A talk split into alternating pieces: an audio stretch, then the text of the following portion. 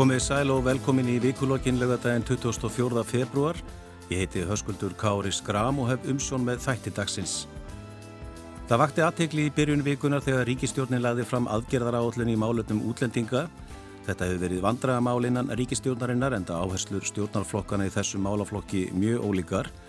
Nú yfirlist markmið þessarar aðgerðar áallunar er að fækka þeim sem koma hingað í leitað alþjóðleðri vend en einni stuðlað aukinni þáttöku innflytjenda í íslensku samfélagi.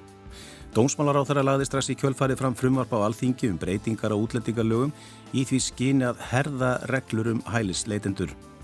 Og þessi minnst í dag að tvö ára eru liðin frá innrás rúsa í Úkrænu. Þetta stríð hefur gert það verkum að vestran ríki hafa þurft að endurhugsa varnar og örgismál frá grunni. Miljónir Úkrænumanna hafa kosið að flýja land og um 3000 hafa komið hinga til Íslands. Átökin á Gaza hafa einni gert ástandi í heiminum enn ótryggara og viðbúið að, viðbúið að flottamannaströymurinn aukist enn frekar á næstu misserum. Hingað eru komnar þær Silja Bára Ómarsdóttir, professor í stjórnmálafræði og formaður Rauðakrossins á Íslandi, Drífa Snædal, talskona stígamóta og Birna Þórænsdóttir, frangatastjóri UNICEF á Íslandi, barnahjálpar saminuði þjóðana. Verið velkomnar. Takk, takk fyrir. Mér langar að byrja á Úkrænu, það eru liðin tvö ár frá innrás rúsa og mannfallið og hörmungötnar og eðileggingin, auðvitað allt saman skjálfilegt. Eh, Birna, UNICEF hefur eðlilega verið með augun á neyð barna í landinu. Getur þú sagt okkur eitthvað um stöðun á starf UNICEF?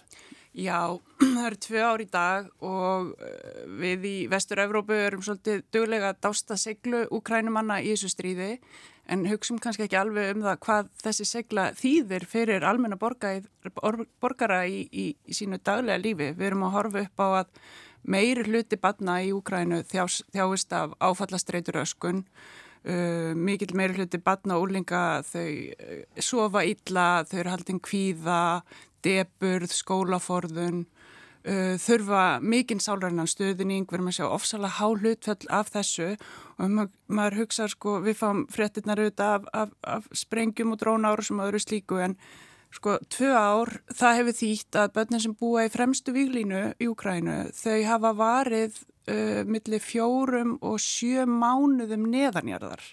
Þau hafa sagt, verið þetta veist, ekki samfelt en ítrekað ofan í neðanjarðabyrgjum, í kjöllurum, jáfnvel í hólu í jörðinni til þess að leita skjóls. Og við getum rétt svo ímynda okkur hvað áhrif þetta hefur á bara hérna, þroska og, og æsku þessara barna.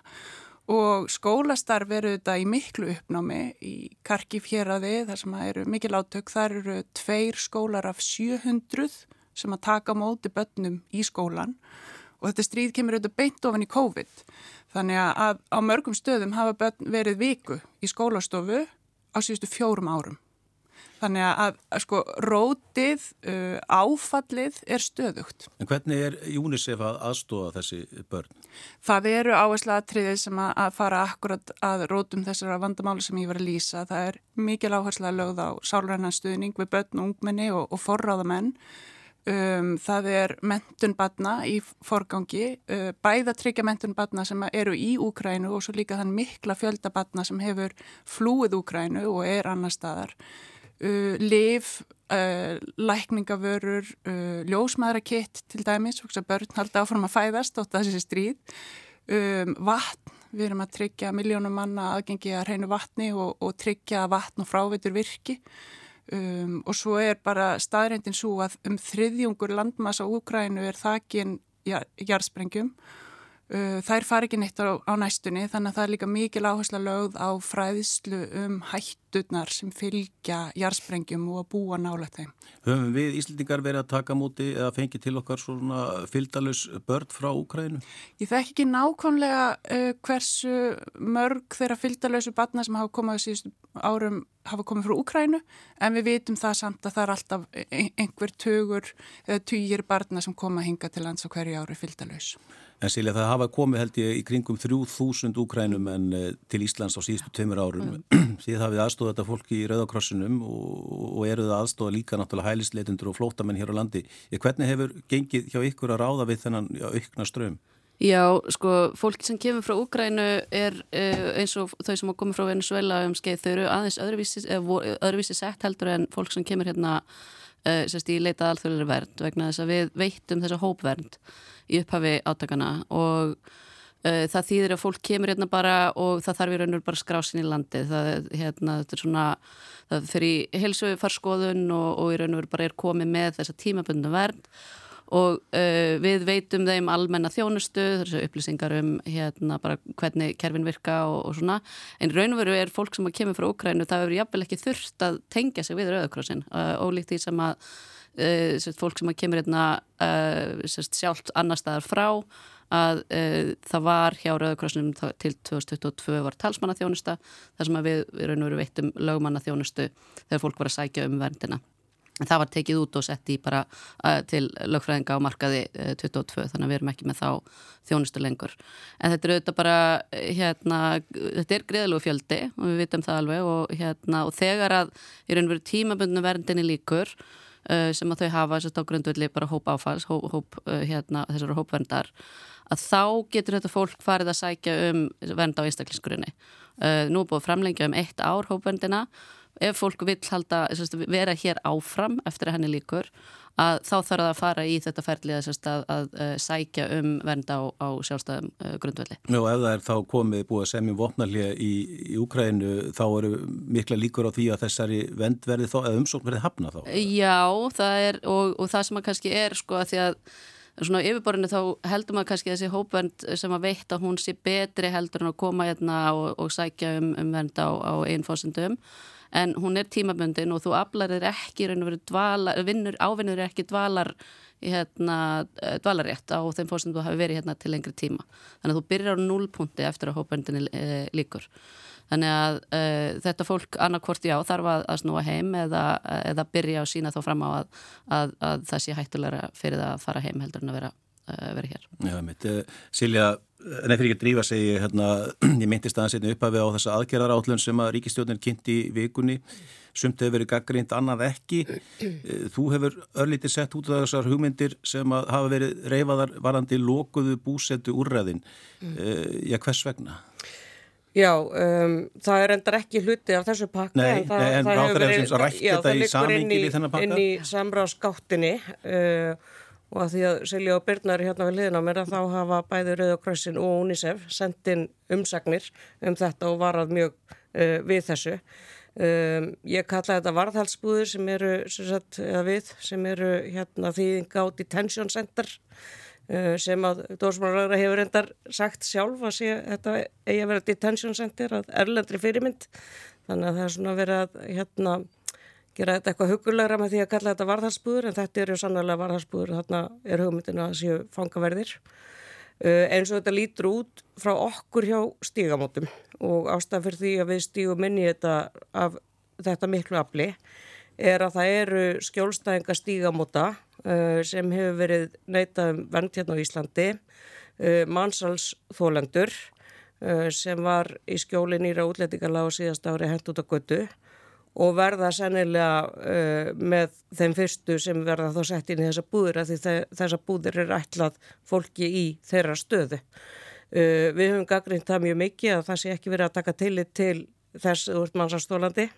Það er ekki verið að taka tillit til þess tráma sem því fylgir uh, og eins og uh, bara það sem við gerum um mitt hlutverk, það er að tala máli brotaþóla og þetta eru sannlega brotaþólar uh, sem þarf að taka tillit til við, við ákverðun uh, vendar uh, og, og þetta verður ekki hérna lóð og voðaskalar mannréttinda eða mannúðar. En hvert er, sko, stjórnvöldum er ákveðin vandi á höndum að því að það alveg líkur fyrir að það eru líka einstaklingar hérna sem hafa vissulega fengið sinnjun og, og reynilega neyta bara að fara úr landi. Hvað eiga stjórnvöld þá eiginlega að gera? Það eru, mjög, það eru nokkri sem get ekki farið. Fólk sem Já, er ekki með pappira, þau eru búin að vera hér það lengi að þau eru ekki að fara aftur til landsins þau koma til fyrst í Evrópu. Það er ekki fransasamningur á milli viðkomandi heimaríkis, það eru jafnvel ekki pappirar þannig að viðkomandi heimaríki myndi taka við þeim. Eh, þannig að þetta er sko, fólk er í einhverju algjörlega ómögulegri stöðu og það þarf að taka sérstaklega til til þessa hóps og fara í, í það mál og um, um, svona í leiðinni þá þarf líka að uh, sína skilning á uh, þeim aðstæðum sem uh, sérstaklega brotaþólar mannsals eru í. Nú er náttúrulega mjög erfitt að, að hérna sanna það að þau mannsalir að ræða en, en við teljum okkur vera með fullvissu hjá stígamótum uh, hjá okkar skjólstæðingum, við hefum heyrt þeirra sögur og, og þær eru búin að vera hérna uh, eins árum saman. Og, og þetta eru hérna hópur og konur sem erum fann að þekkja hansi vel. Þannig að það er, það er einstaklega ómöðunlegt að taka ekki til í þess og, og bara um, hvað maður að segja stór galli á þessum lögum. Eru margir einstaklingar í þess sem eru í þessari stöðu sem þú lýsir sem eru uh, í samskiptu við ykkur? Þa, eru, þær eru nokkrar, eru já, nokkrar. Uh, og bæði uh, einstæðar og með börn uh, og, og hérna við höfum svo sem fengið heimil til að tala málið nokkura og, og segja frá því þannig að þess vegna erum við að beita okkur. Einmitt. Þetta er, kannski við má aðeins bæta við sko, þetta, þessar búðir og, og það er alveg rétt, það eru einhverjir einstaklingar sem að neyta að fara þó þeir hafi fengið endalega senjun á uh, sínum, sínum umsóknum en það er eins og drífa segir, það eru einstaklingar sem ekkert geta farið og uh, þetta er svo kallið umborin uh, dvöl og við vitum að það er fólk hérna í landinu sem að, að, að kemst ekki neitt annað, það er ekki með neina pappir á þarfumdu göttunum Um, erum við betur sett með því að loka þetta fólk inni, ég var auðvitað með að sjá það. Og það sem er kannski í þessu frumvarfi sem er uh, á að mæla fyrir, átt að mæla fyrir núna í vikunni en uh, náðist ekki, kemur sannlega í, í eftir kjörtamaviku, að það er mér að talað um að, að í, þessum, í þessar búðir uh, megi setja, megi lögregla setja fólk ef, ef hún telur að fólk hafi síðan með tilhefilösa umsókn eða að það mun ekki fá vernd. Þannig að það er eitt að segja að þarna munum við vera með úrræði uh, eða búðir fyrir fólk sem að, að hefur fengið endalega senjun en við erum að búa til einhverja leið fyrir, til að, að grýpa inn í umsókninu og það eru alþjóðlega lög sem tryggja rétt fólks til að sækja um vend uh, ef það uh, tilur sér búa við óta, búa, búa við ógn heimaferir. En er, er það ekki rétt skiljið á mér að það eru bara álíka búðir starraktar í flestum eða mjög mörgum Evrópuríkjum? Það, það eru mjög margar búðir víða uh, og, og hérna uh, þess vegna vitum við það að hættan er svo að fólk dæju uppi í þessu búðum árum saman. Það er það, er það sem hefur verið að gerast uh, og talandi börna þá er, þá er þessum búðum, þessar búður eru ætlaði fyrir börn líka.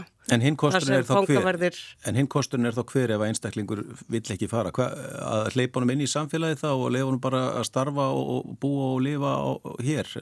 Sko ég myndi halda að... Og þá er þessi lög, þá gerir það landamæra, allt landamæra eftirlit eða gagslust? Nei, sko það þarf náttúrulega alltaf að taka tillit til einstakraðstana uh, að sjálfsög og þetta fólk sem ég er að tala fyrir, uh, þær dreymir ekki um neitt annað heldur en að ná að sjá fyrir sér hérna á Íslandi uh, og að gefa þeim tækifæri til þess uh, væri skynsalegt. Uh, þetta eru konur sem hafa verið hérna jæfnvel árum saman uh, og ég myndi leggja það til að þegar fólk er búið að vera árum saman í hérna stöðu þar sem það, ég myndi telja það augljóst að uh, þær væri að hætta lífi sínu með því að fara á landi að gefa þessu fólki tækifæri til þess að, að hérna, vinna fyrir sér. Að því að nú er alltaf að tala um álag og innviði og allt það. Um, ég held að flesta dreymi bara um það að fá að vinna fyrir sér og, og ná einhvern veginn að, að hérna, fóta sig og vilja ekkit endilega vera háð stjórnvöldu með það. Þannig að ég myndi halda að það veri fullt til um til þess að skoða sérstaklega þann hóp sem búið að vera hér árum saman í einhverju limboi og gera það mannúð og, og sanginni. Birna, er þú búin að kynna þér þessa aðgerðar áallin? Nei, við þekkjum ekki aðgerða áallina til hlítar vegna að það kom út uh, frétta tilkynning frá ríkistjórninni í vikunni og, og, og það líklega eftir að koma fjöldin allur vist í við af, af, af frumvörpum sem þessu fylgir. Einu frumvörpun sem við höfum séð eru frumvörp dómsmálar á þeirra, annars vegar um breytingar útlendingarlögum og hins vegar þetta frumvörp um loka búsitúræði sem ég tek mjög mikið undir þá gaggrinn sem hér hefur komið fram Við hjá UNICEF, bara sem ég fá bæta við, við sendum mjög uh, svona skýra umsögn um það frumvarp um, og viljum alls ekki sjá að börn verið sett ángæðin. En er það ekki einmitt uh, búið að loka fyrir það, að, þann möguleika, að fylgdælis börn verði ekki sett í svona lokað búsettu úræði? Nei, en hins vegar er gert ráð fyrir að hægt sé að loka fjölskyldur þannig, þannig að börn verður lokuð í varðhaldi ásamt fóröldum sínum og það er engin dæmi um það að engum myndi detta í huga að setja barn í fangil sem er fóröldum sínum en einhvern veginn er það mögulega í lægi að þetta frumvarp fer óbreytt í gegn. En þessi pakki uh, stjórnvalda um, vonandi verður hann góður og vonandi verður hann líka til þess eins og, og við heyrðum ekki talað í vikunni til þess að umræðan um ja, innflytjendur um, og útlendingamála í Íslandi liftist upp. Mér finnst svolítið miður að heyra svona mikið púður, alveg eins og búið að fara hjá okkur núna í að ræða sko einstaka tilvik, einstaka, einst, nokkura einstaklingar sem eru erfiðustu tilvikin mm -hmm. þegar við erum að tala um miklu meiri fjölda fólk, svo ræra saman einhvern veginn umræðu um fólk sem búið að fá sinjun og vill ekki fara í sko, umræðum um útlendinga á Íslandi heilt Nei. yfir. Þetta er bara, það, það, það næringra átt að ræði þetta svona. Um, en ríkistjórnin kynir þarna einhvern pakka og það er eitthvað framöndan og, og, og það er mikið verið að horfa til mentunar sem er gott. Um, við vonum að það verði skýr áhersla á, á börn í þessum pakka. Það má sjá í þessari tilkynningu að þá að fara inn í mentakerfið Um, auðvitað mun það mæða mest á sveitarfjörlugunum þannig að við hefum eftir að sjá hvernig það verður fjármagnað um, og hvert samtali verður milli ríkis og sveitarfjölega um þessa auknu, þannig auknu stuðningin í skólana en auðvitað er það, við heyrum mikið ákallum þörfina fyrir það. Um, kannski svona eitt sem að mjögast áhugavert í, í umræðinu um þennan pakka og þegar maður lasi í gegnum uh, tilkynninguna frá stjórnvöldum það var mikið talað um inngildingu en í því virtist aðalega felast áhersla á íslensku kjænslu og ég held að við sem samfélag verðum átt okkur á því að inngilding þýðir ekki að allir eigi að kunna íslensku. Inngilding þýðir að við séum með fjölbreytt samfélag þar sem fólk nýtur virðingar fyrir það hver þau eru, hvaðan þau koma og, og hvernig þau eru. Þannig að þú veist, það leggur líka skildur og herður okkar sem að tölum reybrænandi íslensku að sína fjölbreytninni virðingu og gera sönn inngildingar samfélag þar sem allir fá að njóta sín og öll fá að njóta sín. Taka bara mjög undir þetta sem Birna segir og hérna og langar að nefna sko með hennan pakka, auðvitað vonum aðra einmitt að bara það hérna þau mörguleiti bara mjög góðu markmið sem settur þar fram náist en það eru hlutir sem að sko skarast á og það er eins og það sé ekki samlesið hvað á að gera.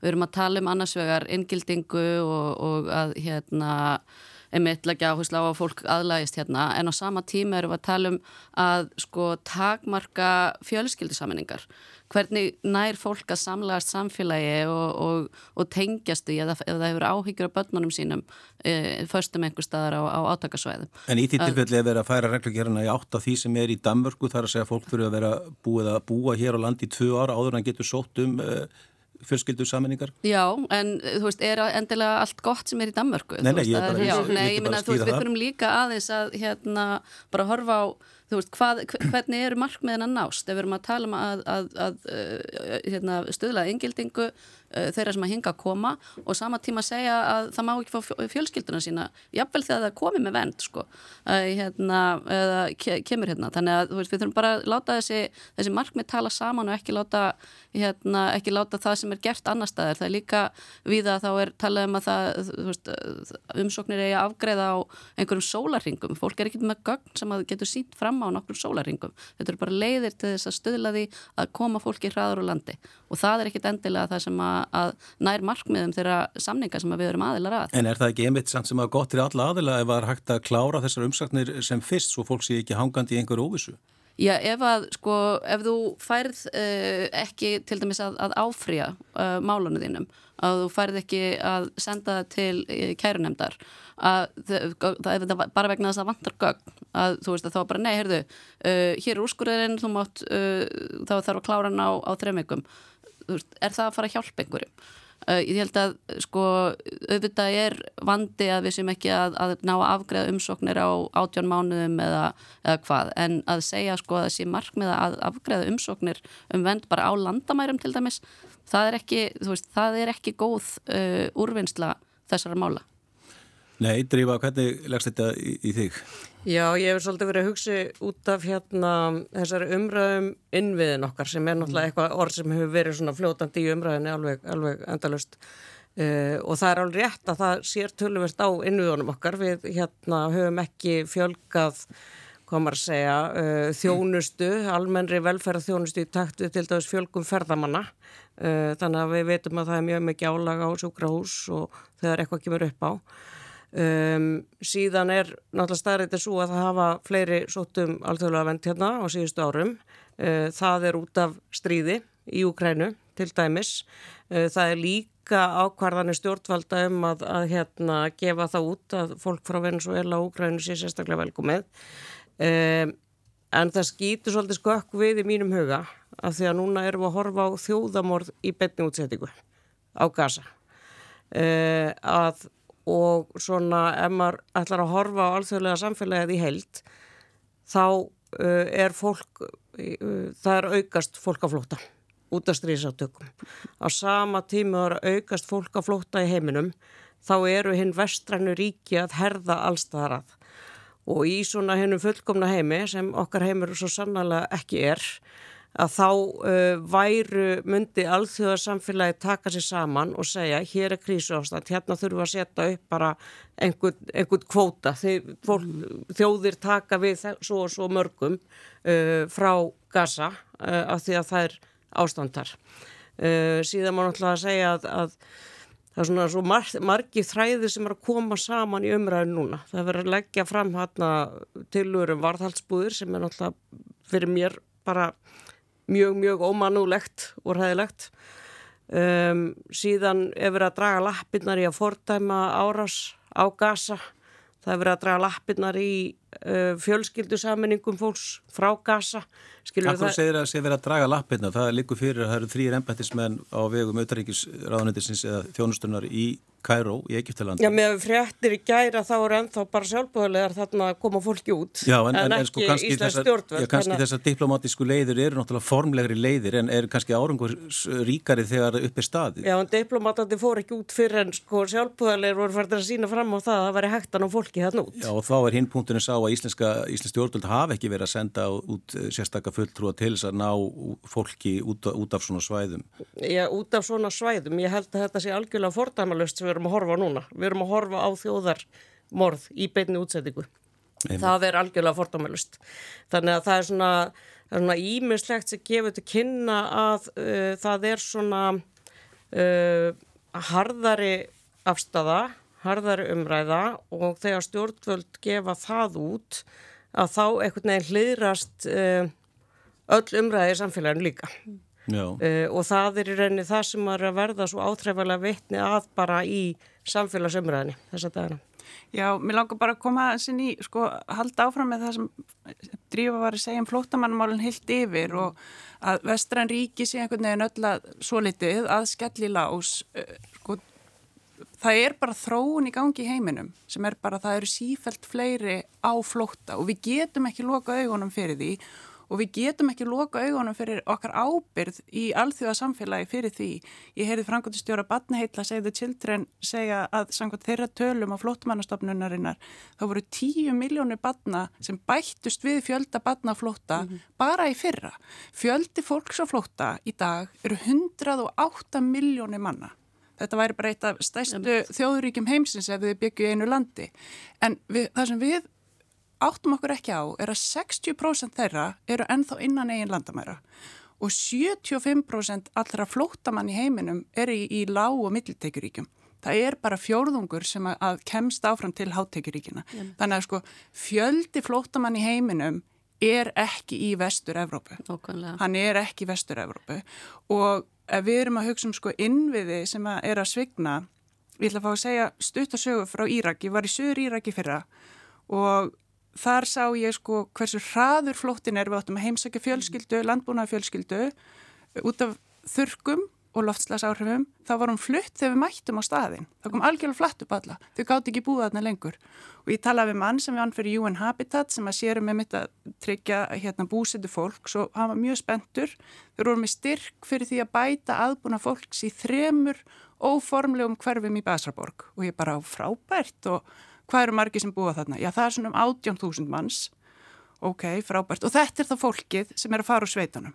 Mm. Og ég spyrir, hvað eru mörg óformleg hverfi í Basraborg? Þessari einu borg í þessu eina landi. Ég hafa áallega með því síðan svona 67. Veitir, og við erum að tala um innviði sem er að svegna þannig erum við að tala um sko mörg hundru þúsund manns. Mm -hmm. þetta er fólk sem að kemur úr sveitunum, hefur ekki endilega sko á erfitt með að sækja matfinu er með óljóst mentunastig það er erfitt fyrir börnin að komast í skóla og allur aðbúnaður hvað var þar heilsugæslu, vatn hús og annað. Mm. Þetta er hinn raunverulegi vandi, flóttamanna vandi í heiminum í dag. En hvernig hafa nákvæmna ríki þessara landa verið að standa sig? Ég meina Egiptaland, Sáti-Arabíja, þetta eru oft eh, sem hver mjög rík hérna lönd. Ha, eru þau ekkert að taka múti flóttamannum þessi lönd sem eru þarna bara í næsta nákvæmni? Veit að Tyrkland er með gríðarlega mikinn fjölda flóttamanna hjá sér og flestir flóttamenn sem flýja átök eða þurka, þau fara í næsta ríki. Mett. Þannig að eins og það sem við erum að sjá stríðið í Sútan, þar er hérna, mikill fjöldi komið til nágrannaríkjana. Mm -hmm. Þannig að, eh, jú, þau taka á móti fjöldanum, algjörlega. Og mjög víða við þetta síðan eru líka, sko, uh, það eru ríki sem að, að ekki uppfylla kröfur flottumannasamningana, en það, það eru líka fjöldin allir af fólki sem er óformlega dveljandi í þessum ríkjum sem við kannski reynum að, að, að gaggrina og segjum að það ætti að standa sér betur en einmitt, þú veist, maður sér bara fólk er í nákvæmleikjanum, Líbanon er að svegna bara, þú veist meni, þegar að sprengingin var þarna í Líbanon fyrir hvað, fjórum, þreymur árum að hérna bara það setti palestinska samfélagi þar auðvitað bara alveg á hliðina. Uh, Jordania er uh, bara, þar, þar er allt fullt af, af, fólki á flotta uh, ég fór yfir til Somalíu fyrra hérna, þar sá ég fólk bókstaflega vera ganga yfir landið til þess að reyna að komast sem sagt þau eru að fara frá Eþjópíu uh, ganga yfir Sómalíu til þess að reyna að komast til Sáti-Arabíu vegna þar er vonum störf. Þau fá ekki vernd þar en uh, þarna er bara fólk er að deyja við hliðin á þjóðvegum. Og, hérna, og við erum hérna að, að uh, getum ekki einu svona talað á, á forsendum sko uh, sömu upplýsinga. Við erum að tala um að við sem að taka móti miklu fleirum heldur en uh, við erum hérna með, jú, eitthvað um 5.000 umsóknir á síðast ári uh, hérna Uh, þar erum við að setja fólki sem er, er ekki að sækja um vend eða er hérna á hópvend við erum að flokka það í þessu sama. Ef við værum bara að horfa á þau sem að koma hérna sjálfstætt í leit að alþjóðlega vend, þá erum við að horfa á sömu töluna nokkur meginn frá 2000 og hvað, 17, 18 Það þátt að taka út um, Úkrænumenn og, og Venezuela Við tökum þau í burtu Uh, vegna þess að það voru ákvarðanir stjórnvalda sem að buðu það fólk velkomið. Þannig að hérna, við getum ekki verið að segja að það sé eitthvað sem við erum að, að upplifa öðruvísi heldur en. Uh, vegna þess að er mjög víða er þetta fólk ekki sett inn í sömu tölur. En þetta hefur samt sem áður sett svona ákveðin þrýstinga á innviðin? Það er svo sannarlega og, og þetta, já já, en, en sko aftur eins og drífa líka að koma inn á sko að, að þrýstingurinn á innviðina er ekkert bara þetta að eh, við þetta vitum það að hér hefur verið bara aðhalskrafa á neyðuskurður í ofnbreið þjónustu Uh, við erum að, að hérna, okkur, okkur skortir uppbyggingu til þess að halda utanum um, hérna, ásókn ferðamanna. Við erum með heilbyrðiskerfi þar sem að, að túristar hafa enga leið til þess að leita til læknis nema að fara á, á sko bráðamáttöku og hvað, hvað gerir það? Það bara setur þrýsting á spítalana þannig að hérna, þú veist, aftur þetta við gröytum einhvern veginn öllu saman í umræðu um uh, hérna, um, um útlendinga innflytjandur á Íslandi og þau sem að verða fyrir barðinu á því vegna að þetta espir upp fordóma og, og, pyrring að það er fólki í veikust stöðinu, það er fólki sem þarf stöðning. Já, það setja hérna Silja Bára Ómarsdóttir, professor í stjórnmálafræði og formaður Rauðakrossins á Íslandi, drífa Snædal, talskona Stígamóta og Birna Þóraðinsdóttir, frangværtastöru í UNICEF á Íslandi. E, Birna og reynda Silja þið senduð þarna ásand fleiri samtökum e, ákall til stjórnvalda í gær vegna átakan á gasa sem við höfum verið að tala um en hafa Íslensk stjórnvöld ekki verið einmitt að beita sér nokkuð myndalega í þessu máli svona með að við stærð og getu Íslenska ríkisins í hennu alþjóðlega samingi? Ég uh, ánægurut með að, að taka undir það. Hérna, við höfum, við, við erum, sko það sem við höfum þó, kannski bara að, svo það sé sagt að hér eru nokkuð fleiri hlutvarslega palestinmenn heldur en við annar staðar. Og uh, það er sem, sagt, sem að hafa komið hérna uh, upp á síðkastið. Um, en ég get ekki síðan að við höfum beitt okkur myndalega að reyna að, að hérna, hafa áhrif á framgang mála, við höfum ekki tekið undir uh, álektanir uh, í saminuðu þjóðunum alltaf, það var stórmál hérna í hvað var ekki desember sem að, að uh, það var ágreiningur með Ljótaríkis og fórsætsráður um hvernig það átt að standa því.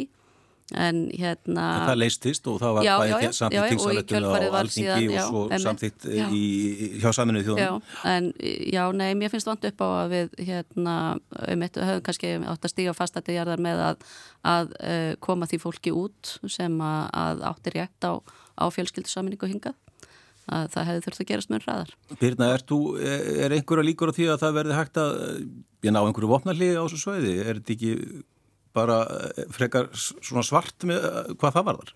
Þetta er frekar svart en svo heyri maður, þú veist, eh, Ísraelsmenn eru vist á leið held ég til Parísar núna gær, og þannig að maður heldur alltaf í vonina vegna að það, sko, það stöðvar ekkert þetta stríð nema að Hamas og Ísrael ná einhvers konar samtkomulagi um að hætta berjast. Um, þannig að, en á meðan það gerist ekki að þá erum við einfallega að horfa upp á aðstæður sem eru eiginlega ólýsanlegar. Það eru eiginlega ólýsanlegar um, og það sem við erum að benda á í þessu ákalli sem við sendum á stjórnvöld er að sko það verið að fara yfir svo mikið af rauðum línum þegar kemur að mannúðarlögum mm -hmm. Og einhvern veginn er viðbröðin engin og við bendum á það í þessu ákalli að sko hvernig snúum við tilbaka, þú veist, hvar verða mörg sett aftur þegar það er búið að gera spítala að výglínum. Það er búið að gera stopnarnir saminuðu þjóðana að výglínum. Það er búið að gera skóla að výglínum. Fjöldur starfsfólki Rauðakrossins hefur látið lífið sko, í árásum? Bara starfsfólk, mann og að samtaka Rauðakrossins, já, hátt í 200 starfsminn saminuðu þjóðana hafa dáið eða verið drefnir. Mm -hmm um, þú veist, þetta, þetta er svo langt umfram, stríð er alltaf skjálfilegt en það eru ákveðna reglur um það hvernig skuli berjast í stríði. Og það eru allar þverbrotnar, það eru óbreytti borgarar sem líða fyrir 70% þeirra sem hafa dáið á gasa eru konur og börn, 70% mm -hmm. og það sér ekki fyrir endan á þessu, þannig að Íslands stjórnvöld, jú, hafa beitt sér og það er gott en þau eiga og geta gert meira vegna þess að ef við erum ekki hörð hverjir ætla þá að vera harðir mm. og skýrir á mannúð og mannréttindum í þessu máli. Þannig að við vonum innilega að stjórnvöld hafi hlustað og, og finni til ábyrðar og ég vona svo sannlega að það sé búið að leysa úr þessum töfum sem voru settar á greiðslur til únra til dæmis. Um, það, það er engin stopnun á svæðinu sem kemur í staðin fyrir únra. Er, er rannsótt lokið á, á þeim ásökunum sem voru í gangi í gagvart þessar, þessum uh, samtökum? Það voru að byrtast í gær uh, að bandaríska leinithjónstanir með gagg sem að allavegna varpa uh, skugga eða þetta dragi efa þessar fulleringar Ísraelsríkis. Um að Hamasliðar hafi verið að starfa í skjóli Já. þessara samtaka? Já, ég minna það er alveg verist verið að sko að það hafi verið einhverjir sem voru á launaskrá sem að, að tengdust Hamas en allavegna þessar ásakanir um að, að sem að Ísrael að það, það séu ekki, ekki við uh, sterkrökkastiðast. Þið hafa alla talað um hérna þessa umræðina og kannski einhver leiti þá skautun sem hefur maður hefur orð, fundið fyrir. Það, þú ert annarkort með á móti og svo framvegis og, og, og það er svona, já reyði, það er bara að segja það, það er mikil reyði í þessar umræðu og, og sést kannski hvað skýrast á samfélagsmiðlum, þetta er nú kannski svona, já, óþægilegar upprópanir frá báðum aðlunum jafnvel, eða Já, hvaðan kemur þessi reyði, svo ég varpja fram bara þeirri spurningu drífa, er, erum við ekki að hlusta? Uh, já, ég held að reyðin komi af ótta uh, og það er nú elsta tryggið í bók stjórnmálana, það er alla ótta til þess að komast af völdum eða tryggja völd.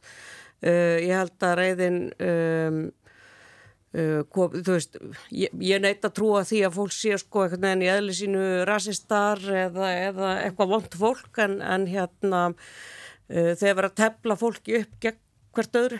Já, við sjáum sáum það var eitthvað aftur hérna, hérna með Þingmann sko sem var fyrir hérna einhverju óþægilegur, já var fyrir óþægilegri árás fyrir framann Þingúsið Já, já, já, já. Um, og hérna uh, ég, ég hlusta álega dásalegt viðtal við hérna konu sem er uh, ópjumfíkil á gödunni á Íslandi og hún sagði svo stór kvenlega í Guðanabænum ekki verið að bera okkur saman við flóta fólk eða stilla okkur upp gegn þeim. Hún sagði það er hægt að bjarga báðum og þetta er sko þetta um, þetta er það sem samt er verið að gera. Hér eru að fara að bjarga grindvikingu sem er flóta fólki í Ílandi uh, og getur þá ekki gert þetta í leðinni en horfum fram hjá því að það að vera snubra hérna almenningum 64 miljardar í einhverju samræði, ólöglugu samræði, skiljiði. Mm -hmm. Við þurfum að setja hlutina svolítið í, í eitthvað sæmilegt samhengi hérna. Um, en, en sko um leið og stjórnvöld fara að tala á minna mannúlegu nótum að þá verður hliðrun í samfélaginu og ég myndi lýsa því sem hefur gæst svona síðustu daga og vikur og mánuði sem bara verður áþreifarlega vörfið, ekki sem skautun heldur hliðrun í umræðinni uh, og það sem fólk hérna, leiði sér ekki að segja og hafði jafnvel ekki þær skoðanir fyrir mánuðum síðan að það er allt í hennu farið að fá hljómgrunn í umræðinni uh, og oft er þetta byggt á hræðslu vanþekkingu uh, ekki réttum upplýsingum. Eh, þannig að ábyrð stjórnvalda og valdhafa er svo gríðarlega mikil í að vera ekki að ala á hérna tilefnislausu hérna tilefnislausum upprópunum eða, eða hérna uh, já, ómannulegum uh, staðhæfingum Já, það, ég, held að, ég held að það veri formaður viðreysnar sem sagði það í umræðu og alþingi í vikunni að að ég varaði við því umræðum að, að flokkar væru að gera útlendingamálin að kostningamáli mm. Uh, aðri tíkminn vísuði mitt í þetta sem við verðum að tala um núna þessa já, skautun eða hliðrun hvernig sem þú vilt nefna það og, og skilgreina það.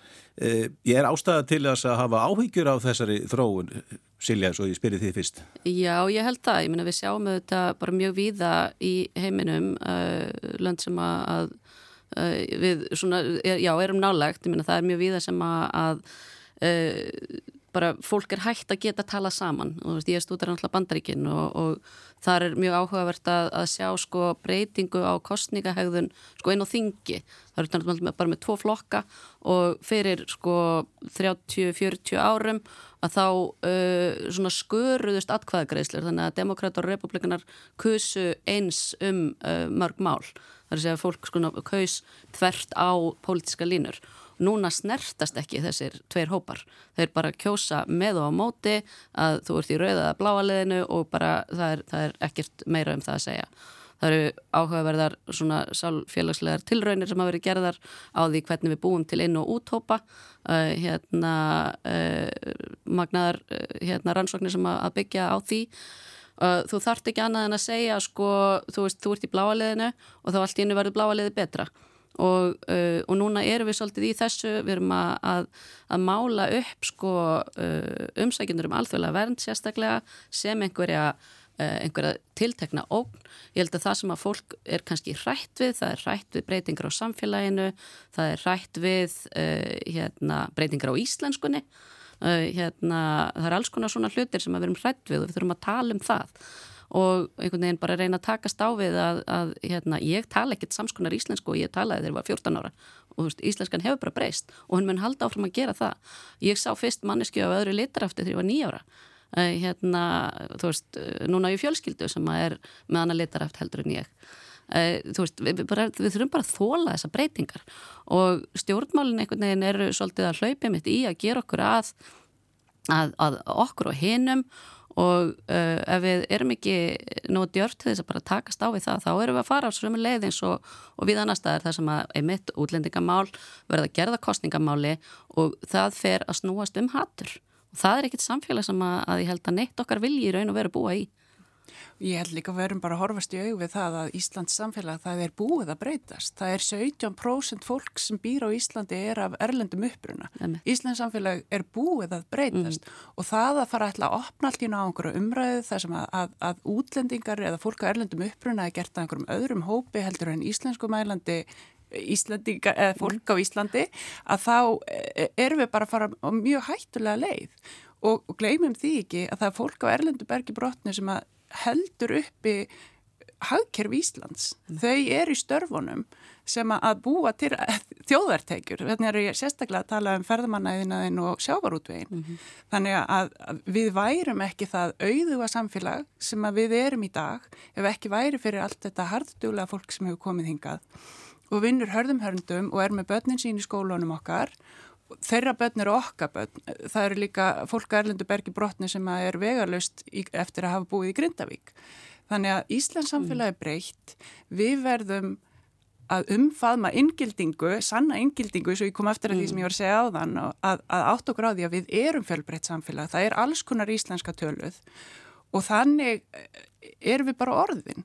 Ég hef áhyggjur um umræðinni Um, mér fannst uh, mjög gott að heyra uh, forman viðrjastnar bara segja það reynd út það er hættulegt að gera þetta kostningamáli og við getum ennþá komið í veg fyrir að svo verði vegna þessi allt og mörgum nágrann ríkjum okkar hafa flokkar komist í valda mm -hmm. í krafti þess að hafa alið á anduð gegn útlendingum. En þessar breytingar sem þið vísið til uh, þar hafa verið að gerast mjög hratt hér á Íslandi þetta er kannski tekið 20 ár í, í, í ríkjónum í kringum okkur en hér eru við að tala bara um 5 árs þar sem við farið úr því að já, hlutfall útlendinga á Íslandi var kringu 10% og nú er það orðið 18-20%. En ég held að við höfum gert þetta afskaplega vel og, og bara svo við tölum um Grindavík til dæmis uh, í uh, Grindavík áður en náttúruhamfariðnar dundu yfir þá var með hæstu hlutfallum fólks af erlendu bergi mm -hmm. brotið í bænum.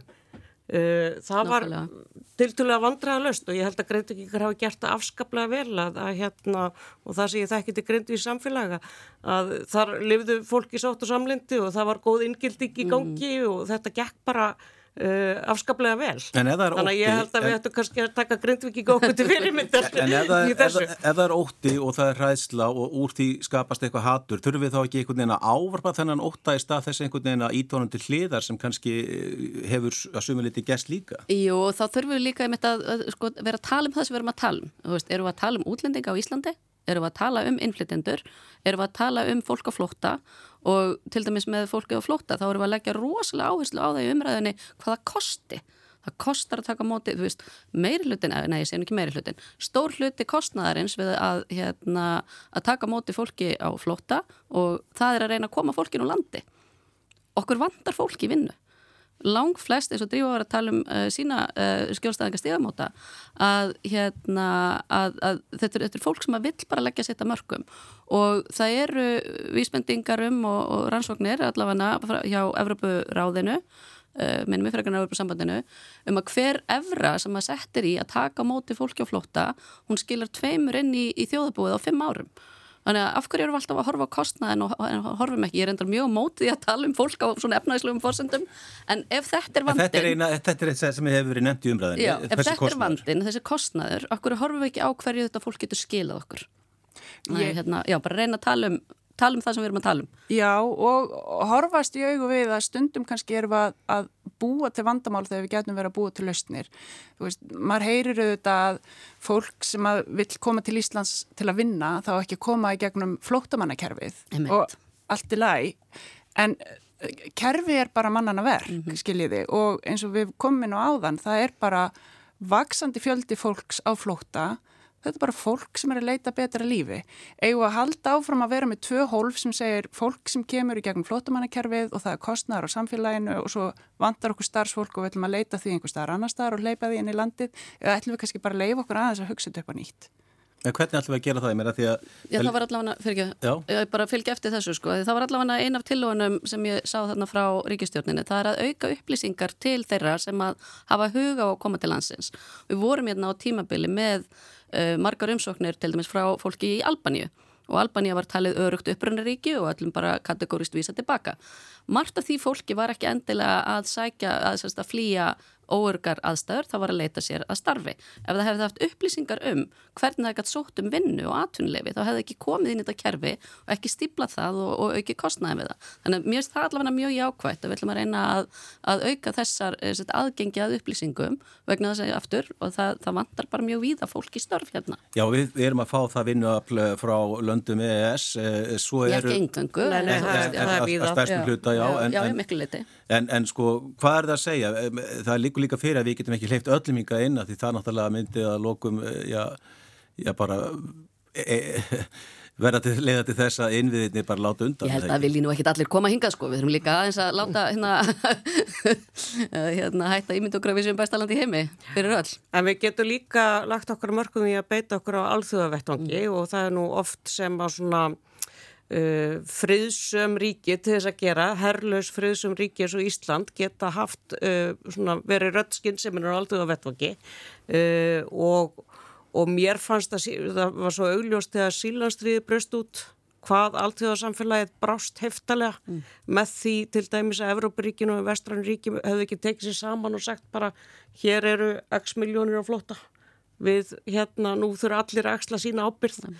og í staðin verður sko óbúslega tókstreit á milli landana og hvert, hvertu sig fyrir að skelli lás og, og þetta verður hérna stærra og erfiðar og ræðilegra vandamál heldur en heldur en er. Þannig að ég, svona, ég myndi óska þess að Ísland myndi líka beita sér alþjóð á vettvaki og komi skynsalega lausnið þar af því að þetta er, þetta er vandamál sem er ekki að fara. Það verður aukin fólksflötti í heiminum. Um, stríð leiðir ekki til fríðar, stríð leiðir til fólksaflotta og, og meiri átaka uh, og síðan erum við að auki með loslasbreytingar sem er að stökka fólki á flotta frá, frá heimkjöfnum sínum. Þannig að uh, sko þetta það að Ísland segi nú er nóg komið, nú ætlum við að skellilás og nú ætlum við að herða útlætingalögjöf, þú veist, það í sjálfu sér er ekki lausna á neinu vanda. Nei, það er ekki mikil tími eftir, uh, við langaðum að ræða tvö önnum ál svona áðurum við klárum þetta allt saman og, og, og ég veit að við erum að fara úr einu í eitthvað allt annað en drífa, þú ert náttúrulega fyrirverandi fórseti ASI og staðan í kjara viðraðum hefur verið svona í umræðinu líka í, vikunni og, í gær gerist það að Vaffer eh, sleit sig frá þessari breið frilkingu og það stefnir mögulega í, í verkvöld. Hvernig líst þér á þessa stöðu? Mér líst ekki vel á þessa stöðu. Ég sko í svona óörgu efnarsamstandi eins og við hefum verið að upplifa það sem vextur eru náttúrulega bara að rjúka upp og verðbólka og þá er alveg einsýnt að það þarf að koma eitthvað meira til heldur bara samtala aturreikata og launafólks og það þarf þá að koma uh, stjórnvöldur að koma að því. Um, stjórnvöld eru líkleri til að koma að svona kjara viðræðum ef það eru á breyðumgurunni og það kemur mér svolítið spánst fyrir sjónir að þarna eru sko nokkur félög búin að taka sér saman og mynda einhvers konar fylkingu og nú er reyndar að kvarnast úr henni í stað þess að það séu til dæmis heldasamtök á vinnumarkaði sem eru í samtali við stjórnvöld um sko stærri lausnir í þessum kjaraviðræðum Um, og til þess eru ASI, BSB, BHM skilur verið með þessi heldasamtök uh, en þarna var eitthvað neginn svona uh, bara brot af því uh, í samtali. Og þetta þegar sko síðan kvarnast enn úr því að þá er erfiðara að búa til einhvern svona heildarpakka með aðild stjórnvalda sem að kemur til góða. Ég verð að segja, ég, ekki, ég hef ekkert verið rosa imponeruð yfir launatölunum sem liggja á borðinu þar að segja það sem hefur kvisast út en, uh, en um, uh, það skiptir svo rosalega miklu máli fyrir afkomu og hagfólks hvað ríkið ætlar að koma með og það er eiginlega að svona draga tennutna svolítið úr því með því að hérna vera með uh, kló, klopna hreyfingu Hún er eiginlega orðin þá þrýklófin ef ekki fjórklófin núna já, já, bara út um allt og. Já, já, já og, og við finnst leðilegt að sjá að ASI er ekki ætlað mikið hlutverk í þessu. ASI hefur nú oft verið það apprætt sem við talað við stjórnvöld. Mér finnst Vaffer verið að einágra sig. Uh, ég sé ekki að það sé hægt að fara í, í aðgerðir út af fórsendu ákvæðum, ég veit ekki hvort að fólk sé almennt til í það. Aðgerður yfirleitt uh, farnar á fórsendum kjaramála, þú veist, skýra krafa um hækkun launa. Uh, núna likur launalegur fyrir og þetta verður stóra fórseti ákvæði sem eru svona útværsla atrið. Þannig að ég tölu verið ágjur af þessu fyrir hönd launafólks á Íslandi. Ég held að þetta, hérna, það að verkefælsefingi sé ekki samænar að heldur hún er, það kemur bara niður á launafólki og einhverju. Heldur að, við, já, að það verði átök, verkvöld? Mér finnst það ekki líklegt, nei. Nei. En, en sko Silja, ég er líka með þig hérna sem, sem þú ert náttúrulega já, okkar besti sérfræðingur um bandarísk stjórnmál. E, þú er vantilega verið að fylgjast með fórstakostningunum eða forvalinu í bandaríkjónum bendir nú allt í þess að, að Trump verði fórseta efni republikana aftur og þetta verður þá bara endurtekning á því sem gerist fyrir fjórum árum. E, já, hvernig metir þú möguleika Trump á að vinna þessar kostningar? sko ef það væri kosið í dag þá held ég hann myndi vinna en það eru þetta er, uh, það er ennþá sjö mánuðir í, uh, sex mánuðir um er, í, í kostningar þannig að að e, það getur auðvitað eitthvað breyst. Það eru margir sem að halda í vonina í bandaríkjunum um að það verði einhvers konar upplaup á, á öðrum eða báðum landstingum stóru stjórnmáluflokkana og, og að frambjóðanda verði skipt út þar það er þá bara í júli-ágúst Ertu þá vísið til þess að, demokrater, skipti út já, bæten? Já, hérna, en er hann eitthvað tilbúin til þess? Nei, en allavega ekki í, í dag hann telur sig vera eina mannin sem getur sigrað uh, Trump, hafandi verið eini maðurinn sem hefur gert það og hefur hann kannski eitthvað til sínum smáls uh, hérna, en Trump er uh, á bara flegi ferða að ná útnefningu republikana, það er hérna er ekki dag bara í Suðu Karolínu? Já, það sem Nikki Haley er, hún er svo eina sem er eftir já, það ekki? Já, og hennar heima ríki og, og Trump er með tvo þriðju hérna að hvaða svona með skoðanakannanir sko. En hvernig stendur á því að hann nýtur uh, þessa, þessar vinsalda það er með allar þessa ákjærur sem hafa verið að líta dagsins ljós og all, öll þessi neykslismál Þetta er ótrúlegt, það er bara eina sem hægt er að segja um það sko. Og, og aftur sko kannanir eru einu tækin sem við höfum til að mæla en, en það er hérna og svona reyna að, að sjá fyrir hvað, hvað gæti gerst. Uh, í kannunum þá hefur fólk sagt ítrykkað að, að ef hann verði dæmtur að uh, væri, væri hann með dómabakinu þá myndi það snúa uh, hérna bakinu við honum nú eru sérst, ekki en, engin sko af þessum sakamálum en það er komin einhverjir, hann hefur verið dæmtur fyrir að íkja verðgildi egna sinna, hann hefur verið dæmtur fyrir kynferðisbrot þessi mál einhvern veginn verðist ekki vera að að ná neinum svona neinni fótfestu í, í umræðinni allavega ekki meðal kjósenda. En það sem að Trump einmitt gerir, hann elur á óta og óti er mjög öflugt tæki. uh, demokraterna er raun og veru að fara að nota það líka einhverju leiti, þeir vilja setja þungunróf á sem flesta kjörsæðila uh, hérna til þess að draga sína kjósendur á uh, kjörstað. Og það er það sem skiptir máli í bandaríkunum er ekki hversu mikið stöðningu hefur í konunum, það er hver mætir. Og, uh, og, og fólk mætir ofta ekki til að kjósa, við veitum að það náttúrulega er lítil kostninga þáttaka.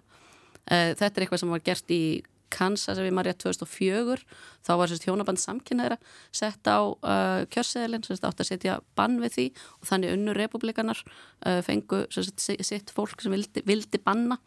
Hérna, og það eru auðvitað hrikalegt að hugsa til þess að við bara sem fann að setja mannrættindi á, á sko kjörseðla. Og þegar við ölum á ótt á setjum mannrættindi á, á hérna á, ottin í kostningum að þá uh, er óðin vís. Já, uh, Birna, það líkur náttúrulega fyrir að Trump er ekki alþjóðsynni, hann hefur svona viljað leggja meiri áherslu á bandaríkin og hagsmenni bandaríkjana og, og, og menn veltaði fyrir sig hvaða áhrif þetta munu hafa á allþjóð og samfunnu til að mynda allþjóð og samtöku eins og samfunnuð þjóðunar. Vissulega og, og, og fjárframlög til þeirra til þess að gera þeim klift til þess að takast á við allar þessar áskorunir sem við höfum verið að ræða hérna í dag.